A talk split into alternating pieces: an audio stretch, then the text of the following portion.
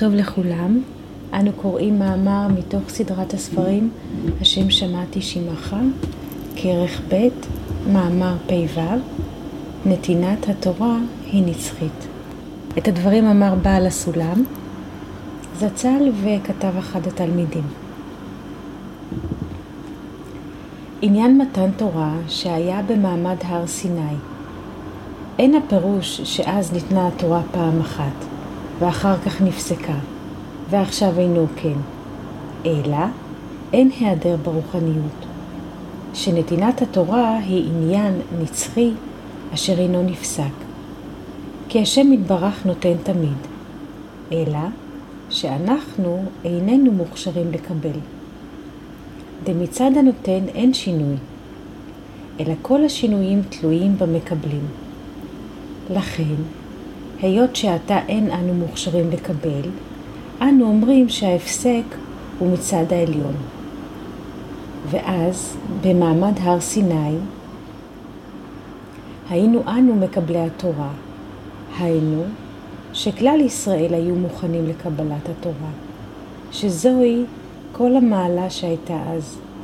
כמו שאמרו חז"ל על הפסוק, ויחן שם ישראל נגד ההר, שמות י"ט ב', שאנחנו היינו כאיש אחד בלב אחד. דהייתה אז ההכנה מצד הכלל. שהייתה אז לכולנו רק כוונה אחת, מחשבה אחת, שהיא קבלת התורה. אבל מצד השם יתברך הוא תמיד נותן, ומצד הנותן אין שינויים. כמו שכתוב בשם רבי ישראל בעל שם טוב, זיהה, שהאדם מחויב כל יום לשמוע את עשרת הדיברות על הר סיני. כותב הרב גוטליב בהערה 1224 סיכום במעמד הר סיני הייתה לכל ישראל כוונה אחת, לעשות נחת רוח ליוצרם. לכן זכו לקבלת התורה. מצד ההכשרה המתאימה שהייתה להם. והיום, למרות שנתינת התורה היא נצחית ונמשכת, מכל מקום, כיוון שאין לנו את ההכשרה המתאימה, לכן אין אנו יכולים לזכות לתורה. אבל כדרכנו, אין אנו מאשימים את עצמנו, אלא את העליון, שהוא אינו נותן את התורה. אבל האמת שמצד העליון אין שום שינוי. כמו שכתוב, אני הוויה לא שניתי, וכל השינויים הם מצד התחתונים.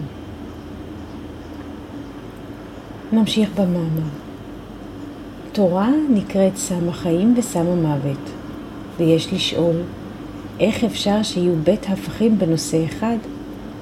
ויש לדעת שאין אנחנו יכולים להשיג שום מציאות כפי שהיא לעצמה, אלא לפי הרגשתנו, וכל מה שאנחנו רואים בעינינו אינו יותר מרגשים.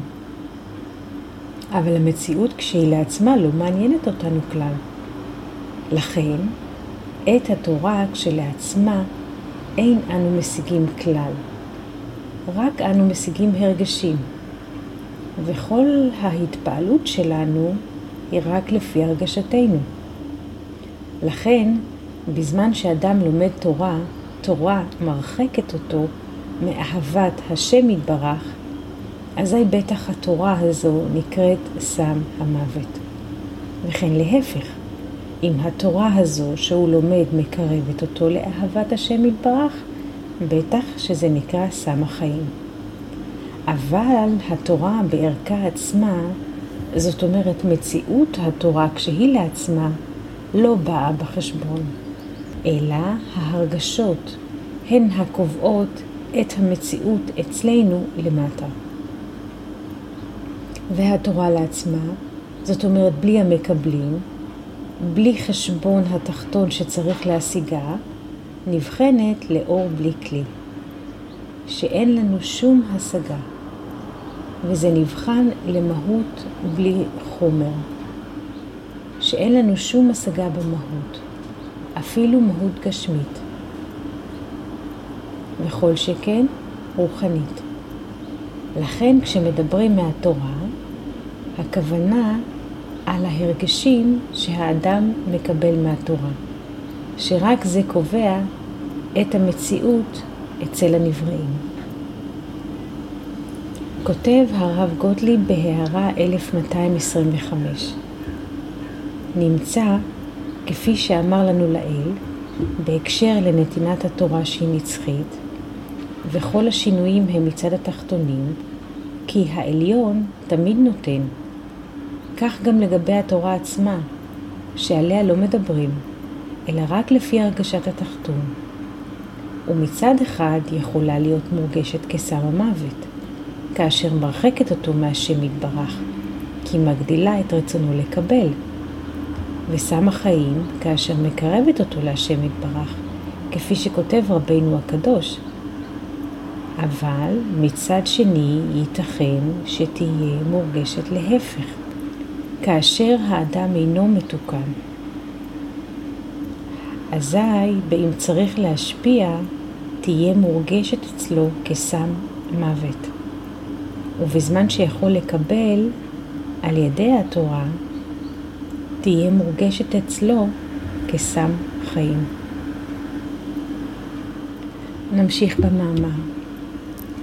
ובזמן שהאדם עובד לתועלת עצמו, זה נקרא שלא לשמה, אבל מתוך שלא לשמה באים לשמה.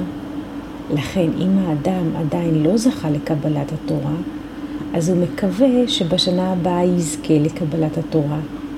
אבל בזמן שהוא קיבל את הבחינה לשמה בשלימות, אזי כבר אין לו מה לעשות בעולם הזה, כיוון שתיקן, כיוון שכבר תיקן את הכל שיהיה בשלמות. ולכן, בכל שנה ושנה יש זמן קבלת התורה, מטעם שהזמן הוא מוכשר להתערותא דלתתא, משום שאז נתעורר הזמן שהיה מגולה אצל התחתונים האור של מתן התורה. לכן, יש תמיד התעוררות למעלה, שנותנת כוח לתחתונים שיוכלו לעשות את הפעולה של הכשרה לקבלת התורה.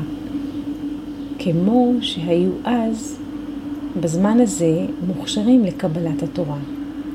לכן, אם הוא הולך על דרך שהלא לשמה תביא לו את הלשמה, נמצא שהוא הולך על דרך האמת. הוא מקווה שסוף כל סוף הוא יזכה לקבלת התורה לשמה, ויזכה לקבלת התורה.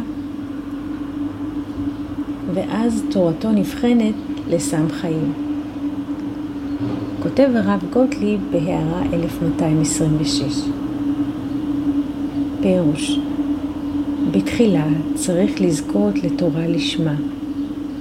דהיינו, שמאור התורה יתקן בו כלים דהשפעה, בחינת אור דחסדים, בבחינת איתין דאורייתא, ואחר כך נוכל לזכות לקבלת התורה עצמה, שהיא שמותיו של הקדוש ברוך הוא, בבחינת אור החוכמה, בבחינת פיקודין דאורייתא. נשוב אל המאמר.